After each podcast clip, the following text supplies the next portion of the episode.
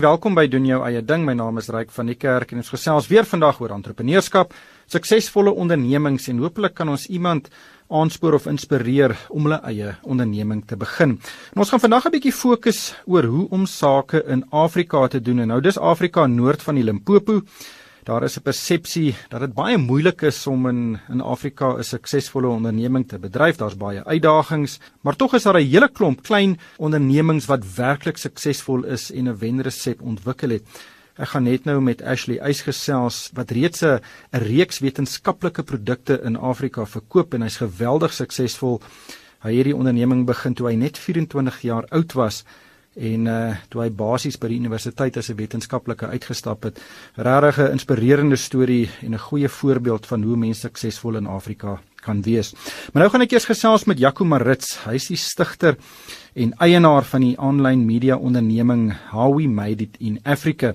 Nou die onderneming is daarop gefokus om die suksesstories van baie sakemanne en sakevroue te vertel wat dit gemaak het op ons vasteland en uh, hy het in die proses ook self 'n onderneming daarom gebou. Hy het ook onlangs 'n boek gepubliseer, How We Made It in Africa, wat baie van hierdie stories vertel. Jaco, welkom by die program. Dis 'n baie interessante konsep vir 'n onderneming. Waar het jy die idee gekry? Dankie, Ryk. Ek het voor ek hierdie begin het in 2010 net ek vir 'n Nigeriese sakepublikasie wat gebaseer was in Kaapstad en in Nigerië gewerk en toe het ek baie gereis Nigerië toe. So hierdie was omtrent so 2007 en op, op daardie stadium het nie so baie mense geweet van die geleenthede in Nigerië en ander Afrika lande soos vandag nie. En dit was net vir my fascinerend en dit het toe gelei dat ek al die met in Afrika begin het. En uh, aan die begin, hoe die besigheid aan die begin gelyk en en hoe dit gegroei tot wat dit vandag is? Ja, in die begin was dit net ek in my ehm um, flat en dit was maar moeilik, maar ons het dit met die tyd gegroei tot dit vandag is. En ons het net so maand terug het ons eerste boek uitgebring wat die stories vertel van 25 entrepreneurs oor Afrika wat welvarende ondernemings gebou het en Ashley wat jy vroeër genoem het is ook een van daardie entrepreneurs. Hoeveel mense werk vir jou? Ons het so 8 mense wat werk aan Howie Merit in Afrika, die publikasie spesifiek, maar dan doen ons ook ons bestuur blogs en publikasies vir ander mense, so ons gebruik ook redelik baie vryskut mense. So. Maar jou sakemodel is is basies jy genereer hierdie inhoud. Dit is soos enige media instelling waar mens die artikels en en en video's en dis meer produseer en dan kry jy 'n uh, gehoor wat dit gebruik en dan verkoop jy daai gehoor of die tyd wat hulle op jou webblad spandeer aan adverteerders. Hoe gaan dit met uh, daardie deel van die besigheid? Dit is definitief moeilik, maar ons oorleef daarom of ons het al vir die laaste 8 jaar. En ek dink dit is ook wat interessant is van die boek want die boek dit dis basies dieselfde stories wat ons nog altyd skryf. Dis net baie langer en ek dink die boekformaat laat mens toe om bietjie meer in diepte in te gaan in die stories van hierdie entrepreneurs as wat sou sin maak aanlyn. En dan betaal mense ook direk vir die boek. So dis 'n bietjie amper soos 'n subscription model wat publikasies soos Business Day en Financial Times en so aan gebruik. Kan jy onthou die wie die heel eerste entrepreneur is waaroor jy geskryf het? Ja, yes, ek moet nou ver terugdink. Ehm um, een van die eerste mense was Susie Bukavi van Kenia. Dit is ons te joernalis in Kenia gehad wat ons begin werk het en dit was een van die eerste stories wat sy gedoen het en hierdie Susie het toe ons het hierdie en dit is velprodukte en uh, make-up en sulke goed het so op 'n baie klein skaal begin en hulle was so 2 jaar terug uitgekoop deur 'n uh, Nairobi Stock Exchange gelyste maatskappy. So sy het eintlik baie goed gedoen. Dit is, is eintlik interessant om te sien hierdie stories wat ons heel in die begin gedoen het wat baie keer dink jy okay, hierdie is oulike stories, maar dit gaan nooit regtig groot besigheid raak nie en hoe baie van hulle eintlik gegroei het tot baie groot ondernemings. Maar dis gewoonlik die punt van klein ondernemings. Baie word begin en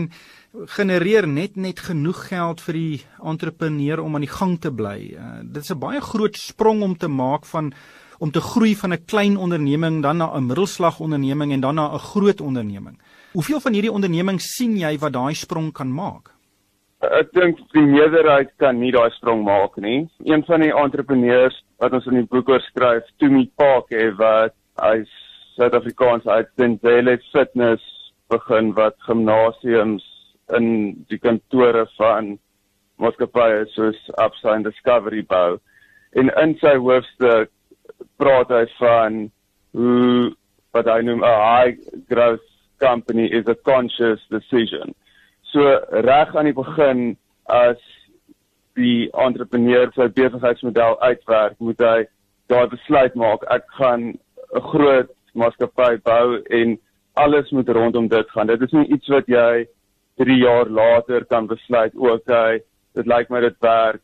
Nou gaan ons 'n groot maatskappy bou nie want al jou stelsels en goed wat jy dan in plek het, uh, werk nie regtig.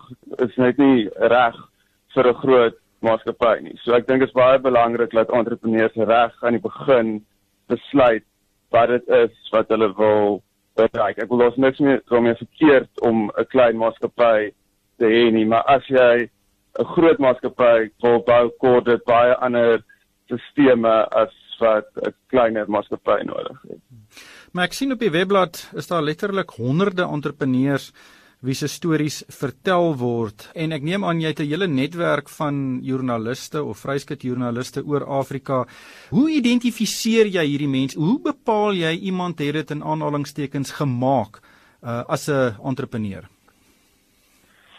Wel vir so ons het die die ehm um, die webwerf en dan ons die boek vir die boek spesifiek het ons so daar seker vereistes waaraan die entrepreneurs moet voldoen het.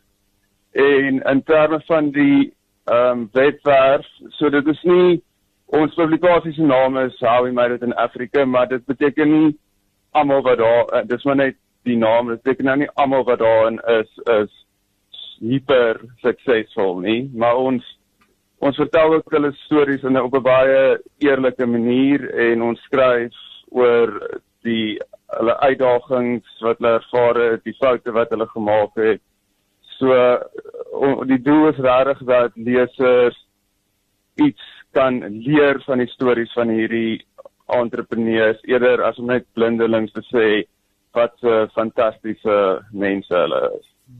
Ek gesels met Jaco Marits, hy is die uh, stigter en die hoof van uh, die webblad en die publikasiegroep How We Made It in Africa.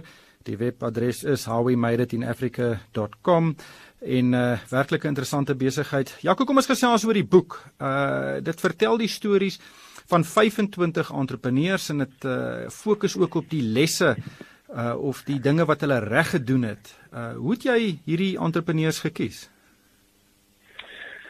So die, die entrepreneurs is van oral oor Afrika, insluitend Suid-Afrika, Namibië, Kenia, Tanzanië, Ethiopië, Nigerië, Ghana ensovoorts ensovoorts. En ons het as Prus nie gefokus op die meer bekende sakepersone soos Patrice Motsepe of uh, Nigerië se uh, Aliko Dangote nie, net omdat hulle stories al klomp keer vertel is en op 'n manier is hierdie mense te groot. Ehm um, so ons het net so 'n bietjie vlakkie onder toe um, gekyk na entrepreneurs en hulle moet 'n sekere vereistes voldoen het en dan het ons ook boonbehalwe mense gesoek met interessante stories. Ehm um, ja, so dis hoe ons die mense gekies het. En ek neem aan jy werk nou al so lank in hierdie bedryf. Uh, is daar sekere goue reëls uh, of duimreëls wat jy dink kritiek belangrik is vir 'n klein onderneming om suksesvol in Afrika te wees? Ek sou sê jy moet definitief 'n passie hê vir wat jy doen, maar dit dit geld nie net vir Afrika nie, dit geld vir oral want maak nie saak waar waar jy is nie, jy gaan daar daar gaan probleme wees en dit gaan baie daar moeilik wees en as jy nie regtig geniet wat jy doen nie en 'n passie het om die onderneming te sien groei nie, dan gaan dit dink ek gaan dit moeilik wees om nie moed op te gee daardie tye wat dinge regtig moeilik is nie en natuurlik regtig hard hard werk nie dit is ook een van die sleutels van sukses. Jaco ek het al gereis in Afrika in in, in ek was al in in verskeie lande en dit is baie duidelik dat daar in meeste lande twee tipes ekonomieë het. Dit amper ook soos in Suid-Afrika, jy het 'n formele ekonomie en dan het jy gewoonlik 'n groot informele ekonomie wat in baie lande eintlik die grootste deel van die ekonomiese aktiwiteit verteenwoordig. Eh, is dit moontlik eh, vir plaaslike ondernemings om in beide daai tipe van ekonomieë sake te doen of eh, is dit maar die formele ekonomie wat die primêre bestemming is van van sulke entrepreneurs? Ja, dis 'n interessante vraag. Ek sal sê byvoorbeeld ek het nou die dag van 'n maatskappy gehoor wat hulle maak sulke tipe ice lolly tipe goed in Ivoorkus en hulle het 'n normale fabriek en hulle verkoop aan supermarkte maar hulle grootste die grootste waar hulle hulle produkte verkoop is van mense wat letterlik langs die pad staan by verkeersligte en dit aan motoriste verkoop. So jy sal op 'n manier daardie sien as die informele ekonomie, maar dit is eintlik die overall staan word betaal deur iemand van die maatskappy wat 'n normale ordentlike fabriek is en wat nie 'n informele maatskappy is nie. So ek weet dit, dit is moeilik om te sê maar daar's definitief 'n geleentheid om om in die formele en die informele ekonomie se dit so kan stel te beweeg. In jou toekomsplanne, ek kan baie duidelik sien daar seker geleenthede in konsultasiewerk en in selfs dalk private ekwiteit om te belê in van hierdie besighede. Uh het jy enige sulke planne? Ja, ek ek het nogal ehm um, ek hou van beleggings. So uh, as 'n maatskappy dink ek kyk ons definitief na geleenthede op hierdie stadium is dit meer gefokus op ons industrie, media en kommunikasie. Maar ja, wie weet wat die toekoms inhou. Ja, dit is baie interessant. Eh, die boek, waar kan mense die boek in die hande kry? Die boek is aanlyn beskikbaar vanaf book.howwemadeitinafrica.com. Amazon en luisteraars wat in Kaapstad woon kan dit koop by The Foxhole wat nommer 357 Albert Road in Woodstock is. Ek dink dit kan 'n ideale Kersgeskenk wees vir uh, iemand wat 'n uh, entrepreneur is en wat dalk wil uitbrei in Afrika. Uh, dis altyd lekker om suksesstories te lees, uh, veral in in 'n uh, ekonomiese omgewing tans in Suid-Afrika wat nou nie heeltemal die positiefste is nie. Maar uh, Jaco baie sterkte met jou besigheid en uh, hou aan om hierdie uh, mooi stories te vertel. Baie dankie, Ryk. Dit was Jaco Marits, hy is die stigter en die eienaar van die aanlyn media onderneming How We Made It in Africa. Nou gesels ek met Ashley Eys, hy is een van die entrepreneurs wie se uh, entrepreneurskapsreis in die boek How We Made It in Africa uitgelig word. Ashley, welkom by die program. Jy was net 24 jaar oud toe jy jou heel eerste onderneming begin het en jy toe skaars by jou BSc klas by die Universiteit van die Wes-Kaap uitgestap. En toe het jy baie junior posisies beklee by ander ondernemings, uh, jy het onder meer internskappe of klerkskappe gedoen. Wanneer het jy besef, jene, ek wil eerder my eie besigheid hê, ek wil eerder my eie ding doen? Yes, thank you. Um after I graduated at the age of 24, I realized that there was um a big opportunity in Africa in the diagnostic space. And of course, I studied science, and as a scientist, um, we tend to think very factual, lab work, etc. So I actually had to uh, empower myself with some business skills, and I decided to join an internship program um, hosted by government. And what they done there was we were equipped with uh, practical business skill, and that opened my mind to look at gaps in the market. So I saw a big gap in the market for diagnostic products. Um, at that point in time, methamphetamine took became a big problem in, in Cape Town and South Africa. And I saw this as an opportunity to, to, to develop a product to actually fight this, this drug. And that's how I actually entered the business space. If you say a diagnostic product, what do you mean? Yeah, so the, of course, um, uh, diagnostic products are more lab based and, and, and clinical setting based. So I looked at home products uh, like a pregnancy test. Can you actually develop a test where you can test yourself at home? So yeah, so the diagnostic products we looked at was catered for the African market and, and TIP being a big problem, that was one of the first products we developed.